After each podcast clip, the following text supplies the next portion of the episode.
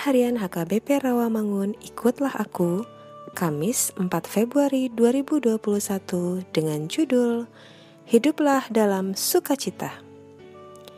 Bacaan kita pagi ini tertulis dalam Amsal 12 ayat 10 sampai 20 dan bacaan kita malam ini tertulis dalam Galatia 5 ayat 2 sampai 15 dan kebenaran firman yang menjadi ayat renungan kita hari ini ialah Lukas 15 ayat 6 yang berbunyi, Dan setibanya di rumah, ia memanggil sahabat-sahabat dan tetangga-tetangganya, serta berkata kepada mereka, Bersukacitalah bersama-sama dengan aku, sebab dombaku yang hilang itu telah kutemukan.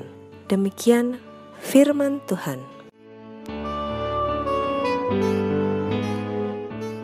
Dalam Lukas 15 ini ada tiga perumpamaan, yaitu perumpamaan domba yang hilang, dirham yang hilang, dan perumpamaan anak yang hilang.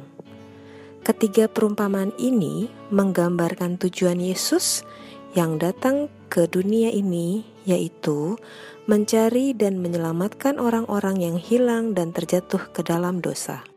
Dalam perumpamaan domba yang hilang, kita bisa membayangkan eratnya hubungan antara pemilik dan seratus ekor dombanya. Pastilah pemilik mengenal domba-dombanya dan juga hal yang sama terjadi sebaliknya. Namun, dalam perjalanan ada saja domba yang terlena, asik dengan dirinya sendiri, tergoda dengan lingkungan sekitarnya.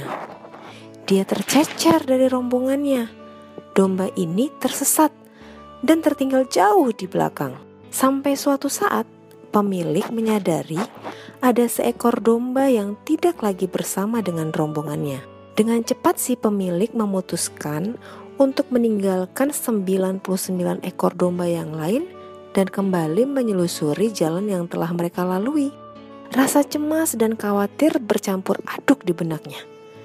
Namun dengan kasih yang besar, akhirnya sang pemilik menemukan domba yang hilang itu.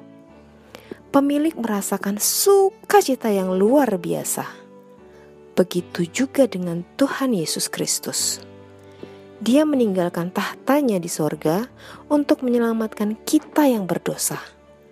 Sudah selayaknya kita bersuka cita apa pun yang kita alami selama hidup ini tidak seharusnya mengalahkan rasa sukacita kita akan keselamatan yang diberikannya. Bukalah hatimu dan terimalah keselamatan dari Tuhan. Mari kita berdoa.